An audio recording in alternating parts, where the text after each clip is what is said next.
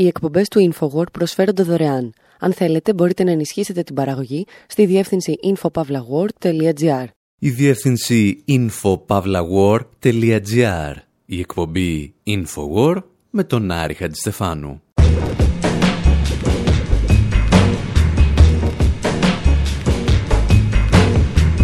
όπου σήμερα ξεθάβουμε τους νεκρούς μας μαζί με τον Iggy Pop και τον Tom Waits. Παρακολουθούμε με πνεύμα πολιτικό τη νέα ταινία του Jim Jarmus «Οι νεκροί δεν πεθαίνουν» και αναρωτιόμαστε ποιοι είναι οι νεκροί, τι σχέση έχει με όλα αυτά ο Ντόναλτ Τραμπ και ο καπιταλισμός και πόσο μπορεί να αντέξει ένας άνθρωπος χωρίς καφέ μέχρι να βγει η ψυχή του. Υποθέτουμε ότι η αποκάλυψη των ζωντανών νεκρών αντικατοπτρίζει τη γνώμη που έχει κάθε κοινωνία για την έννοια του όχλου. Και από όλες τις ερμηνείες προτιμάμε αυτή που λέει ότι οι ζωντανοί νεκροί του χθες είναι οι νοικοκυρέοι του σήμερα. Πρώτα όμως θα αφήσουμε τους Beans and Fatback να σας δώσουν μια μαχαιριά στην πλάτη.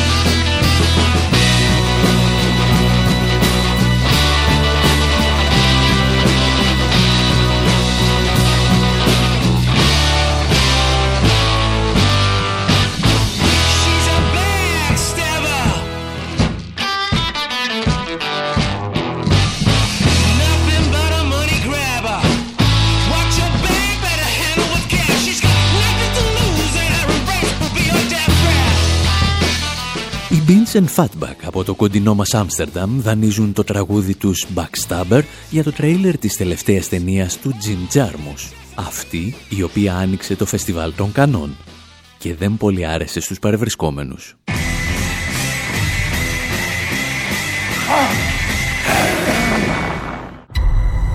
In this peaceful town, on these quiet streets, something terrifying Something horrifying is coming.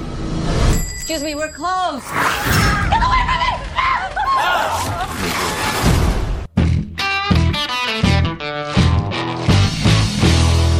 Εμείς πάλι βρήκαμε την ταινία σχετικά πολιτική, αν και με έναν τρόπο ελαφρώς χοντροκομμένο, που ίσως και να δικαιολογείται γιατί είναι λέει κομμωδία. Οι αναφορές πάντως στην Αμερική του Τραμπ, την καταστροφή του περιβάλλοντος, τον καταναλωτισμό, την κουλτούρα των hipsters και την εξάρτηση από τις νέες τεχνολογίες είναι σαφής. Και αν αναρωτιέστε εάν μια ταινία για ζόμπι μπορεί να είναι πολιτική, η απάντηση έρχεται με μια ερώτηση. Ξέρετε δηλαδή πολλές ταινίες με ζωντανούς νεκρούς που δεν ήταν πολιτικές. Θα σας εξηγήσουμε τι εννοούμε, αφού πρώτα παρακολουθήσουμε το χώρο των ζόμπι από τους Cramps.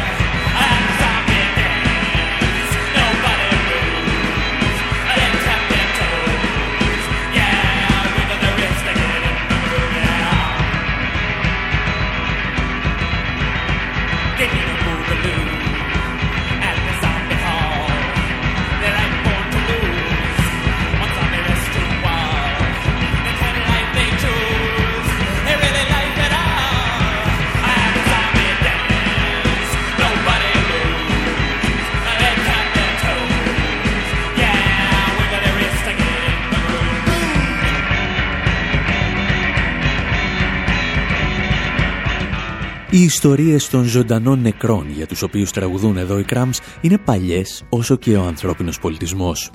Οι πρώτες σχετικές ιστορίες μας έρχονται από την αρχαία Μεσοποταμία. Στο έπος του Γκυλγκαμές η θεότητα Ιστάρ απειλεί μεταξύ άλλων τους πιστούς της και με τα παρακάτω λόγια. «Αν δεν με δεχθείτε θα σηκώσω τους νεκρούς και θα αρχίσουν να τρώνε τους ζωντανούς και οι νεκροί θα είναι η πλειονότητα απέναντι στους ζωντανούς». Για την ιστορία το να ξεπεράσουν οι νεκροί αθρηστικά τους ζωντανούς δεν είναι και τόσο δύσκολο να επιτευχθεί. Γι' αυτό άλλωστε οι Αγγλοσάξονες χρησιμοποιούσαν για αιώνες τη φράση «σιωπηρή πλειοψηφία» για να αναφερθούν στους νεκρούς. Την τελευταία φορά πάντως που κάποιος μπήκε στον κόπο να μετρήσει, δηλαδή το 2011, υπολόγισε ότι σε κάθε ζωντανό αντιστοιχούσαν 14 νεκροί, το οποίο δεν ακούγεται πολύ, αλλά δεν το λες και λίγο. Τα ζόμπι, όπως τα αντιλαμβανόμαστε σήμερα, δημιουργούνται πιθανότατα στην Αϊτή, μετά την επίσκεψη του Χριστόφορου Κολόμβου. Πρόκειται για μετάλλαξη των μύθων που κουβαλούν μαζί τους οι μαύροι της Αφρικής που φτάνουν στο νησί για να γίνουν σκλάβοι. Ήταν εκείνη η περίοδος του καπιταλισμού όπου η επταήμερη εργασία ήταν ο κανόνας και αν εργαζόσουν σκληρά όλη τη μέρα κατάφερνες απλώς να εξασφαλίσεις το φαγητό σου. Οι μύθοι των ζόμπι όμως αποκτούν ιδιαίτερη σημασία για την IT. Όπως εξηγούσε παλαιότερα η Αμερικανίδα δημοσιογράφος Amy Willens, οι οδηγοί των σκλάβων χρησιμοποιούσαν τους μύθους των ζωντανών νεκρών για να αποτρέπουν τους κατοίκους του νησιού από την αυτοκτονία. Τη μόνη διέξοδο δηλαδή που είχαν από τα δεινά που τους επέβαλαν οι λευκοί δουλέμποροι. Τελικά, οι μύθοι των ζωντανών νεκρών της ΑΕΤΗΣ θα φτάσουν μία ημέρα του 1932 στα στούντιο του Hollywood. Τα πρώτα ζόμπι κάνουν την εμφάνισή τους στη μεγάλη οθόνη με την ταινία White Zombie με τον Μπέλα Λουγκόση. From Haiti, land of the voodoo, comes the most infamous cult of all. Bela Lugosi as Murder Legendre master of the undead damned. The sinister power behind the white zombie.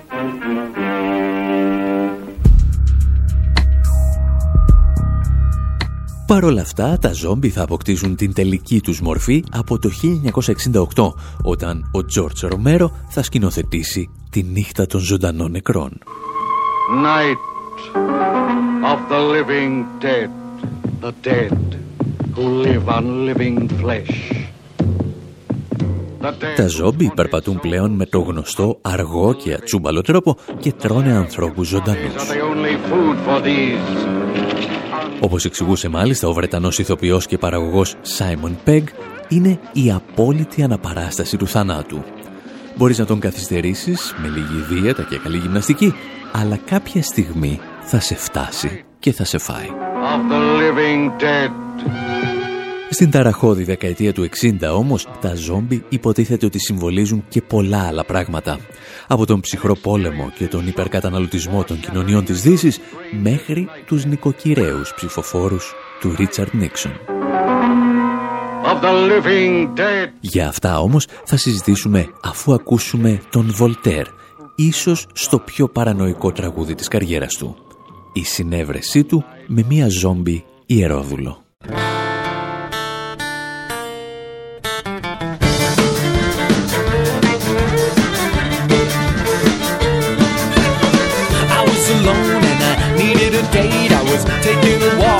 cemetery gate when I, I saw a sign that said for a good time. Take a left down at Tombstone number eight.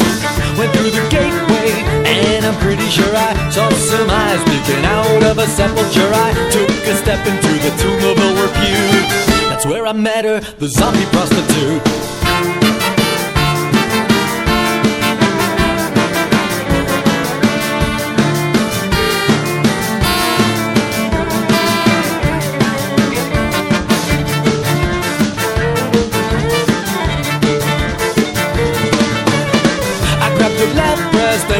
Pretty sure I tore it. I sick her down, but she didn't have the stomach for it. A teeth fell out and her tongue fell out to boot. But all in all, she was a rotten kind of cute. Well, I was tense, it was plain to see. A sort of rigor mortis was coming over me. I didn't want to see it, but I just had to believe it. I had a stiffy for the stiff in front of me.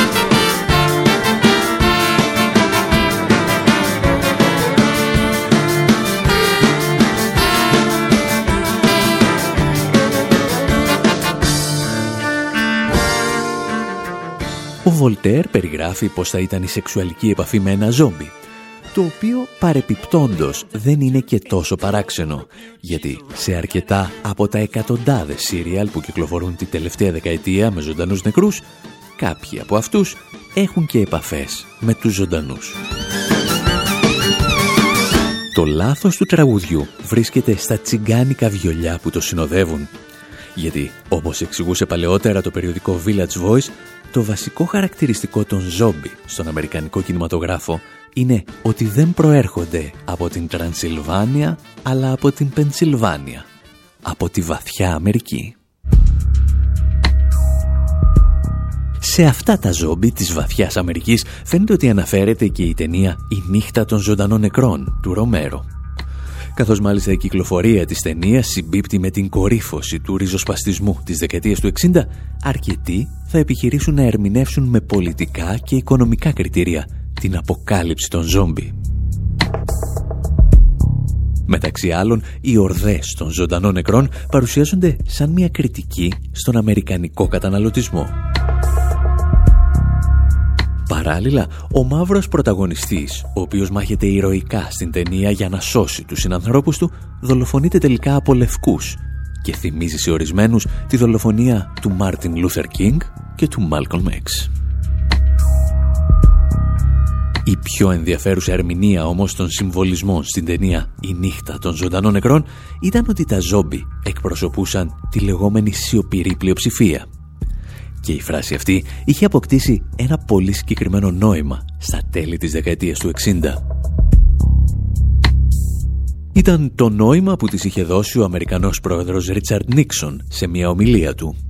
Ήταν οι νοικοκυρέοι που στήριζαν την κυβέρνηση και καταδίκαζαν σιωπηρά το αντιπολεμικό κίνημα.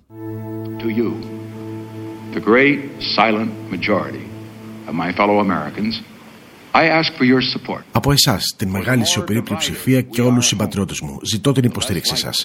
Γιατί αν είμαστε διχασμένοι στο εσωτερικό, ο εχθρός δεν θα διαπραγματευτεί μαζί μας. Α ενώσουμε τις δυνάμεις μας για την ειρήνη. Α ενώσουμε όμως τις δυνάμεις μας και εναντίον της ΣΥΤΑ. Πρέπει να το καταλάβουμε ότι το βόρειο Βιετνάμ δεν μπορεί να νικήσει ή να ταπεινώσει τις ΗΠΑ. Μόνο Αμερικάνοι μπορούν να το κάνουν αυτό. Only Americans can do that.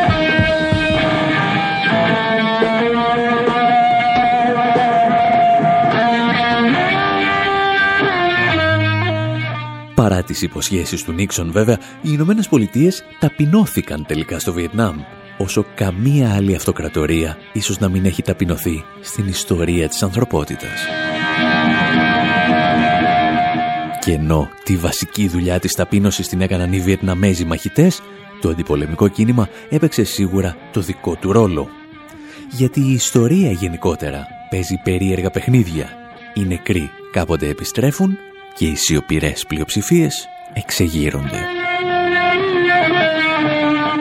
Αυτή ήταν τουλάχιστον η απάντηση που έδωσαν τότε οι Creedence Clearwater Revival, σχολιάζοντας την ομιλία του Ρίτσαρντ Νίξον στο τραγούδι τους «Έφυγη».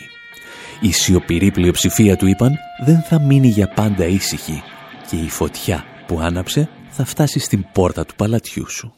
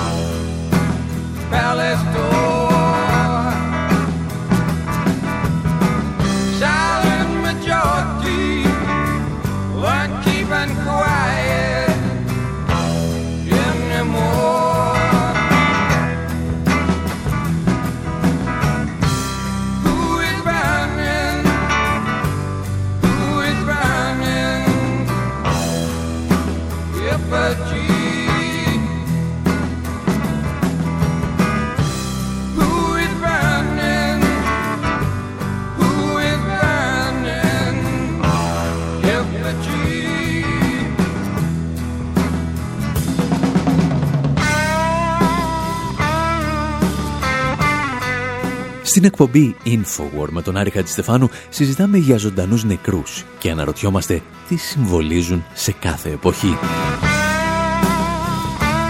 Είδαμε τη δεκαετία του 60 να αντιμετωπίζει τα ζόμπι σαν τους νοικοκυρέους. Άβουλα πλάσματα που ενδιαφέρονται να εξυπηρετήσουν μόνο τον υπερκαταναλωτισμό τους. Αλλά αν χρειαστεί θα γίνουν κανίβαλοι για να σώσουν το τομάρι τους. Στις επόμενες δεκαετίες πάντως τα ζόμπι πάβουν να είναι οι νοικοκυρέοι καθώς οι ταινίες με ζωντανούς νεκρούς αρχίζουν να εκφράζουν το νέο πνεύμα της εποχής δηλαδή το φιλελεύθερο πνεύμα που εισάγει στις Ηνωμένες Πολιτείες ο Ρόναλντ Ρίγκαν. Το επαναλαμβανόμενο πλέον μοντέλο των ταινιών είναι ότι ο κρατικός μηχανισμός αδυνατεί να αντιμετωπίσει την κρίση και μεμονωμένα άτομα μάχονται για την προσωπική τους επιβίωση. Ή, όπως θα έλεγε η Μάργαρετ Θάτσερ, δεν υπάρχει κοινωνία. Υπάρχουν άτομα και οικογένειες και καμία κυβέρνηση δεν μπορεί να κάνει τίποτα. Οι άνθρωποι πρέπει να φροντίζουν μόνοι τους τον εαυτό τους. Εξαίρεση πάντως σε αυτό το κινηματογραφικό μοτίβο θα αποτελέσει η απαράδεκτη ταινία World War Z με τον Brand Pitt.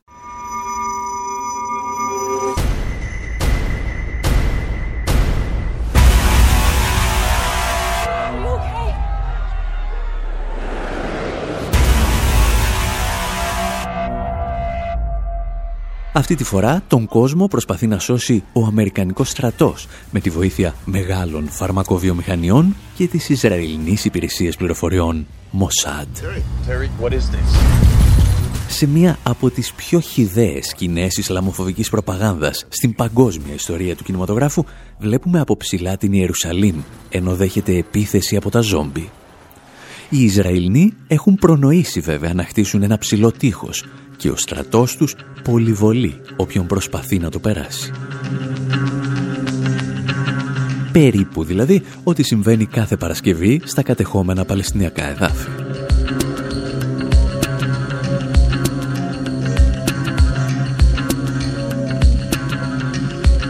Η αποκάλυψη των ζόμπι λοιπόν ίσως και να μας βοηθάει να καταλάβουμε πως αντιλαμβάνεται κάθε κοινωνία την έννοια του όχλου και της απειλής της μάζας. Στην εξεγερτική δεκαετία του 60, οι ζωντανοί νεκροί ήταν οι νοικοκυρέοι που στήριζαν τον πόλεμο του Βιετνάμ. Στην τρέχουσα δεκαετία, τα ζόμπι μπορεί να είναι ο άλλος, με αλφακεφαλαίο, ο οποίος υποτίθεται ότι απειλεί τον πολιτισμό μας. Ευτυχώς, ο Τζιμ Τζάρμους, έστω και άτσαλα, επιστρέφει στα ζόμπι της δεκαετίας του 60 και φυσικά τα πράγματα δεν θα μπορούσαν να είναι διαφορετικά, αφού το πρώτο ζόμπι που εμφανίζεται στην ταινία είναι ο Iggy Pop, ο οποίος το μόνο που θέλει είναι μια κούπα καφέ. Coffee. Chardonnay. Did she just say Chardonnay? Yeah, she did. One, two, three. Εμείς θα επιστρέψουμε στους ζωντανούς και στους νεκρούς και στο δεύτερο μέρος εκπομπής για να θυμηθούμε τις διαφορές τους με τους βρικόλακες και τα βαμπύρ.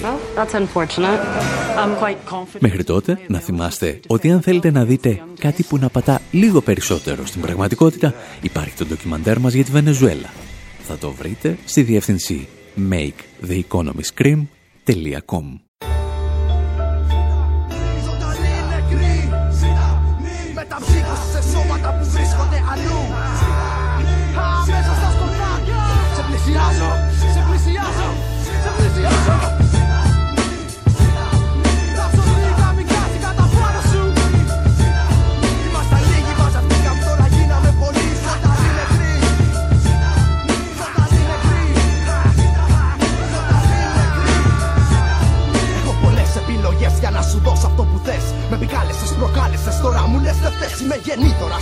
γενιές που κάνουνε πουστιές. Ερυθμός με ήχος που δεν χαρίζουν SOS για πες μου θες Θες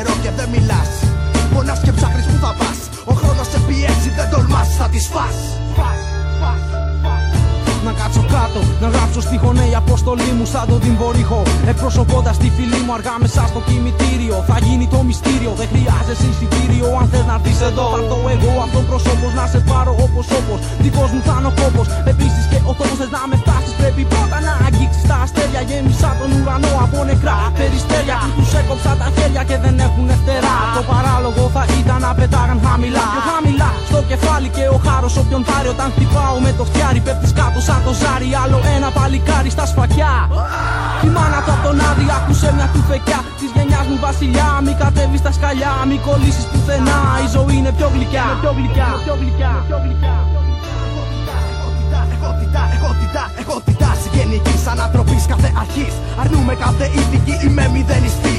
Θα θέλεις να με βρεις, αν με δεις χάθηκες. Εμπόδιο μου στάθηκε να με σκοτώσει βάλθηκε. Στα άκρα πάλι το τράβηξε. Τίποτα μα δεν επιθέσεις. Τώρα σου κάνω επιθέσεις με μαχαίρια και στρατό. Με το φτιάρι θα σου κόψω την πορύχο στο λαιμό. Είμαι εδώ, θα με εκεί, θα με δεις από παντού. Είμαι το φάντασμα του κακού, εφιάλτης του καλού. Η ζωντάνια του νεκρού, είμαι τα ψήκωση σε σώματα που βρίσκονται αλλού. Στις πηγέ του ουρανού, ζωντανή νεκροί.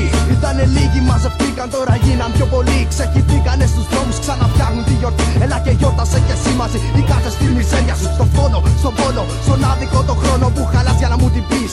Φίλε, δεν κατάλαβες, είμαι μηδενιστής.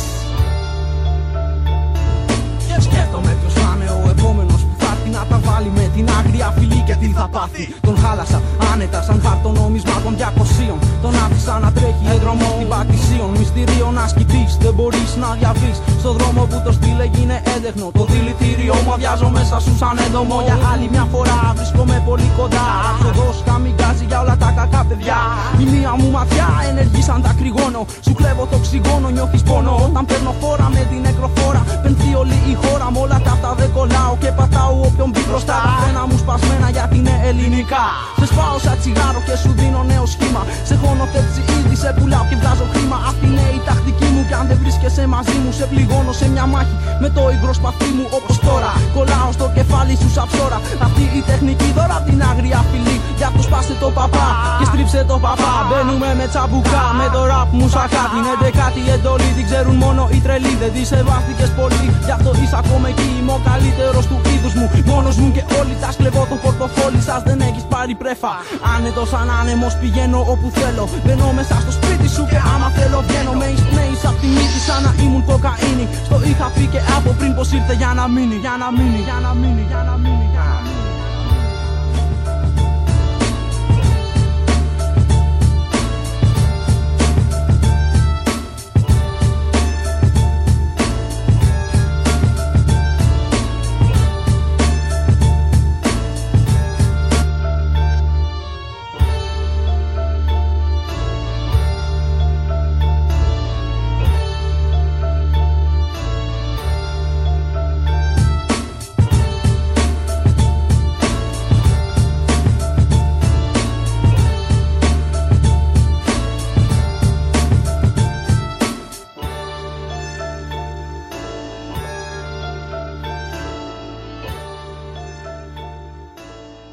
Οι εκπομπές του InfoWord προσφέρονται δωρεάν. Αν θέλετε μπορείτε να ενισχύσετε την παραγωγή στη διεύθυνση infopavlagor.gr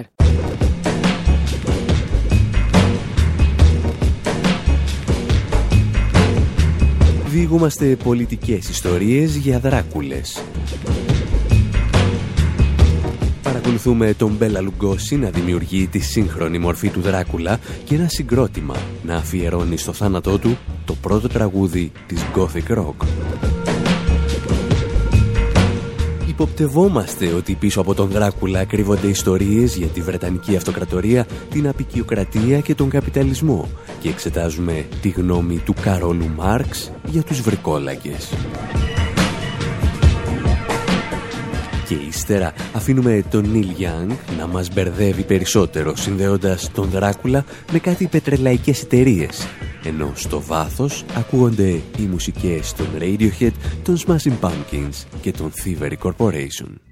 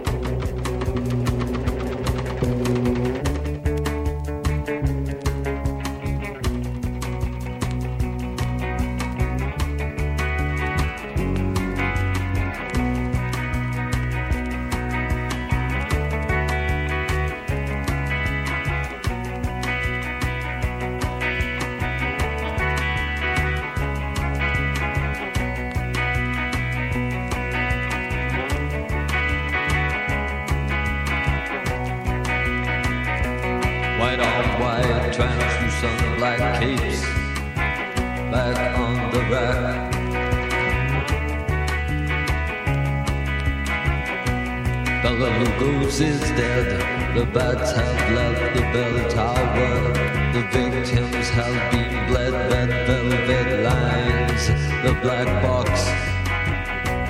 Bella Lugosi's dead.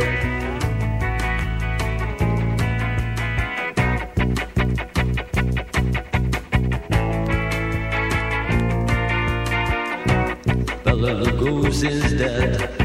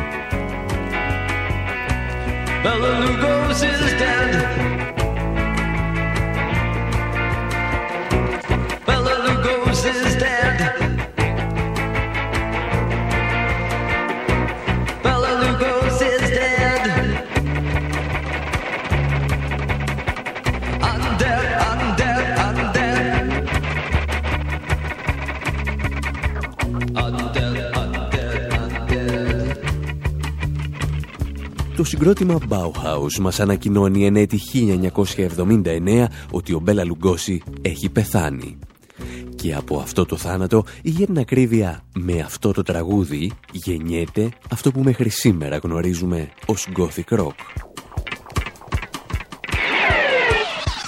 Ο Μπέλα Λουγκόση φυσικά, ο ηθοποιός που έκανε γνωστό τον κόμι Δράκουλα στο ευρύ κοινό, είχε πεθάνει σχεδόν τρεις δεκαετίες νωρίτερα. Επειδή όμως έπαιζε το διασημότερο βρικόλακα της ιστορίας, μπορούμε να υποθέσουμε ότι στην πραγματικότητα δεν πέθανε ποτέ. Για την ιστορία, ο Λουγκόση ήταν ένας από τους ηγέτες των συνδικάτων που στήριξαν τη σύντομη αλλά ηρωική επανάσταση της Ουγγαρίας το 1919. Από τη συγκεκριμένη επανάσταση θα γεννηθεί η Σοβιετική Δημοκρατία της Ουγγαρίας με τον Μπέλα Κούν. Ήταν το δεύτερο σοσιαλιστικό κράτος που δημιουργήθηκε μετά τη Ρωσική Επανάσταση, αλλά επιβίωσε για λίγους μόλις μήνες, από τις 21 Μαρτίου μέχρι την 1η Αυγούστου του 1919. Και επειδή ο Λουγκώση είχε παίξει ενεργό ρόλο στην Επανάσταση, μόλις επικράτησαν οι δυνάμεις της αντεπανάστασης, αναγκάστηκε να εγκαταλείψει την πατρίδα του για να σώσει τη ζωή του. Ταξίδεψε σαν ναύτης μέχρι τη Νέα Ορλεάνη και από εκεί συνέχισε στην Αμερική την καριέρα του ηθοποιού.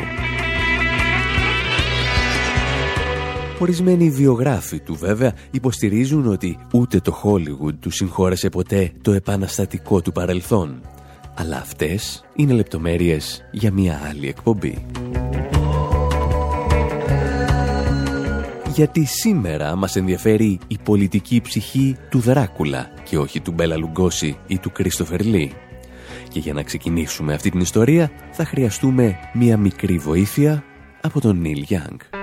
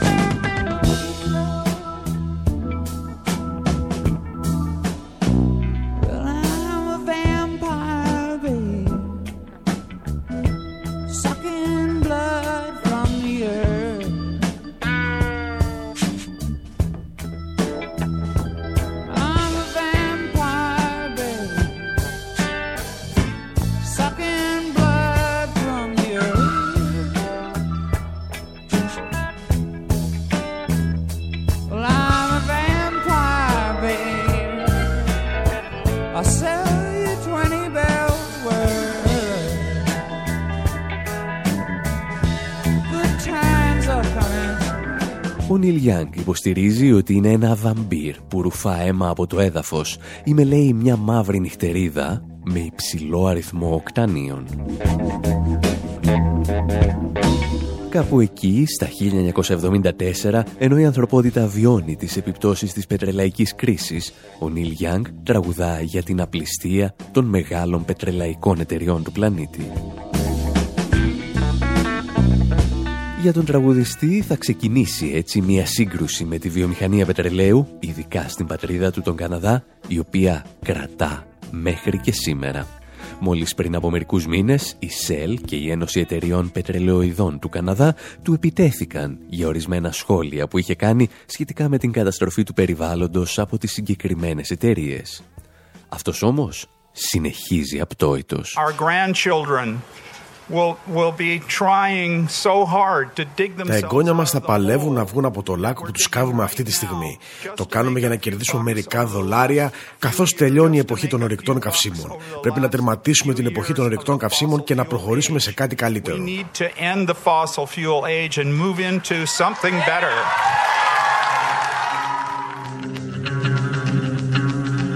Για να επιστρέψουμε όμως στη δική μας ιστορία, ο Νίλ Γιάνγκ χρησιμοποιεί τον κόμι Δράκουλα και τους βρικόλακες για να περιγράψει τις μεγάλες επιχειρήσεις. Και δεν είναι ο μόνος. Τον τίτλο του Βαμπύρ κατέχει εδώ και χρόνια και η Goldman Sachs, ενώ η Thievery Corporation παρομοίαζαν με Βαμπύρ, το Διεθνές Νομισματικό Ταμείο. Τους ακούμε και επιστρέφουμε με περισσότερες ιστορίες με αίμα και βρικόλακες.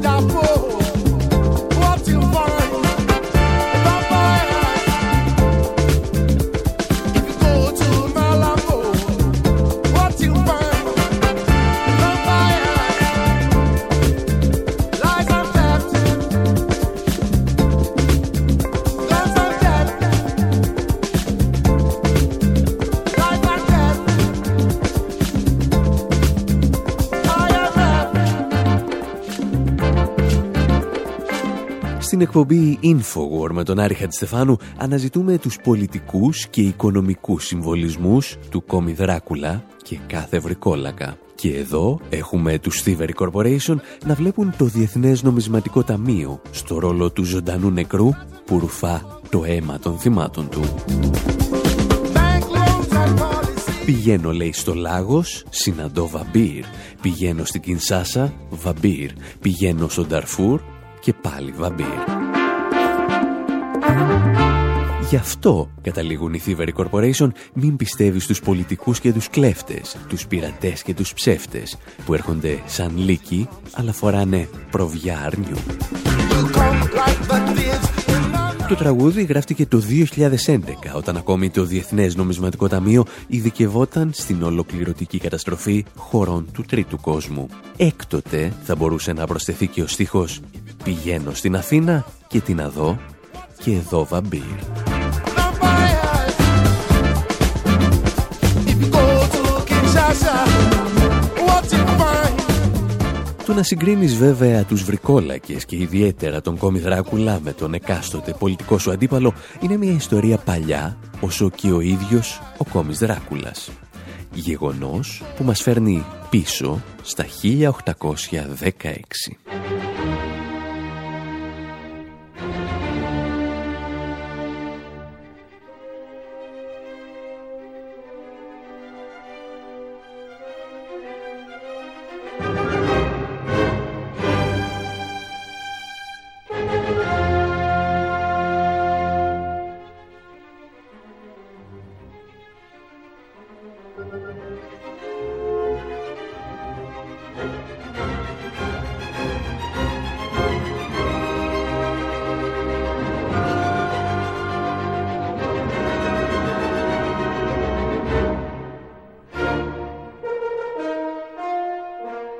Ο Μπετόβεν είχε ολοκληρώσει πριν από μερικά χρόνια την πέμπτη του συμφωνία και ίσως να την είχαν ακούσει και κάποιοι άνθρωποι που αποφάσισαν να κάνουν τις διακοπές τους το καλοκαίρι του 1816.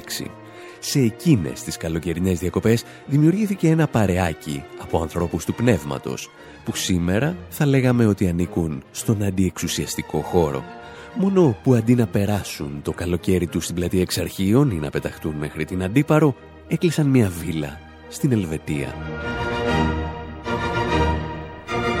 Το παρεάκι αποτελούνταν μεταξύ άλλων από τον Λόρδο Βίρονα, τη Μέρι Σέλεϊ και κάποιον Τζον Πολιντόρι.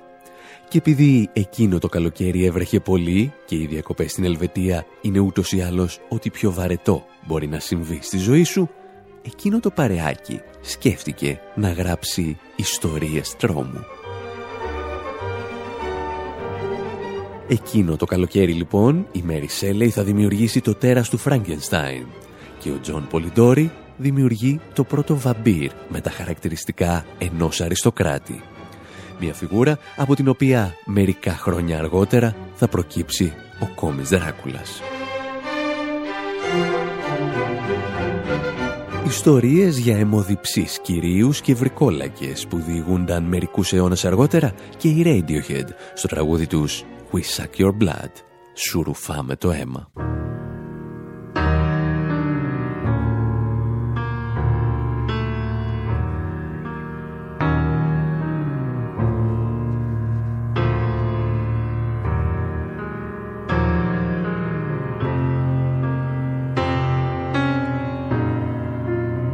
Οι Radiohead τραγουδούν για βαμπύρ και μας βάζουν στο κλίμα των διακοπών που πρέπει να πέρασε το 1816 στην Ελβετία μια παρέα ανθρώπων που δημιούργησαν το τέρας του Φραγκενστάιν και ένα ζωντανό νεκρό αριστοκράτη.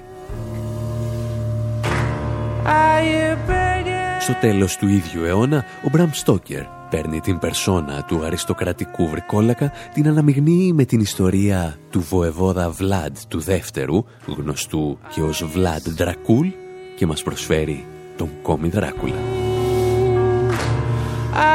Έκτοτε δεκάδες ιστορικοί, συγγραφείς και ερευνητές προσπαθούν να καταλάβουν τι ακριβώς συμβολίζει αυτό το ανθρωπόμορφο τέρας το οποίο μας έρχεται από τα Βαλκάνια, ζει στο σκοτάδι και επιβιώνει πίνοντας το αίμα μας. Οι πρώτες ερμηνείες που δίνονται βλέπουν τον κόμι Δράκουλα όπως τον έπλασε ο Μπραμ Στόκερ ως την προσωποποίηση του απόλυτου άλλου με το αλφα κεφαλαίο. Σύμφωνα με μία ερμηνεία, ο κόμις Δράκουλας εκφράζει τον τρόμο της Βρετανίας του 19ου αιώνα για τη λεγόμενη αντίστροφη απικιοκρατία. Το ενδεχόμενο δηλαδή οι υπηκόοι των Βρετανικών απικιών να καταλάβουν με την παρουσία τους στο Λονδίνο ή να κυριαρχήσουν στις ίδιες τις απικίες. Αυτό τον τρόμο λέγεται ότι εκφράζουν έργα όπως «Ο πόλεμος των κόσμων» του Herbert Wells, «Η καρδιά του σκότους» του Joseph Conrad, αλλά και βιβλία του Kipling ή του Doyle. Σύμφωνα με μία άλλη ερμηνεία, ελαφρώς πιο γεωπολιτική, ο κόμις Δράκουλας εξέφραζε τη γενικευμένη ρωσοφοβία που επικρατούσε στο Λονδίνο στα τέλη του 19ου αιώνα. Συγκεκριμένα, τα σχέδια συνένωσης όλων των σλαβικών λαών υπό την αιγίδα της Ρωσίας προκαλούσε φρίκη στη Βρετανική Αυτοκρατορία. Μια αυτοκρατορία που είχε μάθει να ελέγχει τα Βαλκάνια με την πολιτική του διέρη και βασίλευε. Και αυτός ακριβώς ο τρόμος αποτυπώθηκε, λένε, στη μορφή ενός αριστοκράτη Δράκουλα που ερχόταν από την Τρανσιλβανία για να πιει το αίμα της νεαρής αστικής τάξης της Αγγλίας. Μιλώντας όμως για αίμα και για αστική τάξη, πλησιάζουμε και στις πιο ενδιαφέρουσες αναφορές στους βρικόλακες που μας έρχονται απευθείας από το κεφάλαιο του Μάρξ. Το γεγονός ότι από τις αρχές του 19ου αιώνα οι βρικόλακες παρουσιάζονται πλέον με τη μορφή ενός αριστοκράτη οδήγησε αρκετούς αναλυτές στο συμπέρασμα ότι ο κόμις Δράκουλας συμβολίζει το αποκρουστικό πρόσωπο του παλαιού συστήματος της φεουδαρχίας. Η ανάλυση αυτή φαίνεται να ταιριάζει και με τις γεωπολιτικές ερμηνείες που έβλεπαν στον κόμι τη ρωσοφοβία του Ηνωμένου Βασιλείου. Η τσαρική Ρωσία συμβόλιζε ταυτόχρονα και την τελευταία μεγάλη φεουδαρχική οικονομία που διεκδικούσε ένα ρόλο στα ευρωπαϊκά ζητήματα. Και η νεαρή αλλά πανίσχυρη αστική τάξη της Αγγλίας είχε κάθε λόγο να την απεχθάνεται. «Για σταθείτε όμως», είπε σχεδόν έναν αιώνα αργότερα ο μαρξιστής κριτικός Φράνκο Μορέτη. Ο κόμις Δράκουλας έχει τα εξωτερικά χαρακτηριστικά ενός ευγενή, αλλά στην πραγματικότητα δεν έχει καμία από τις συνήθειες που συναντά κανείς σε ένα φεουδαρχικό καθεστώς. Το βασικό του χαρακτηριστικό είναι ότι δεν έχει υπηρέτες. Κάνει όλες τις δουλειές μόνος του. Φαίνεται, γράφει ο Φράνκο Μορέτη, να έχει διαβάσει τις θεωρίες του Άνταμ Σμιθ περί της μη παραγωγικής εργασίας την οποία εκπροσωπεί ένας υπηρέτης. Μια εργασία η οποία απλώς περιορίζει το εισόδημα του αφεντικού του. Και ο Φράνκο Μορέτη καταλήγει στο συμπέρασμα ότι ο κόμις Δράκουλας είναι ο ίδιος ο καπιταλισμός και μάλιστα στην μονοπωλιακή του μορφή. Τα πώς και τα γιατί θα τα εξηγήσουμε ύστερα από ένα μικρό διάλειμμα.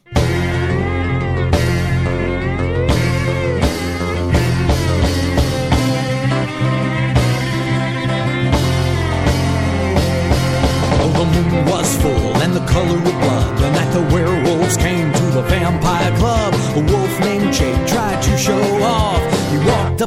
up to Bella with his shirt off, and he recognized a vampire from her school. He said something that was most uncool. Hey, pretty boy with the sparkly skin, I'm gonna steal your girl, cause I hate your kin.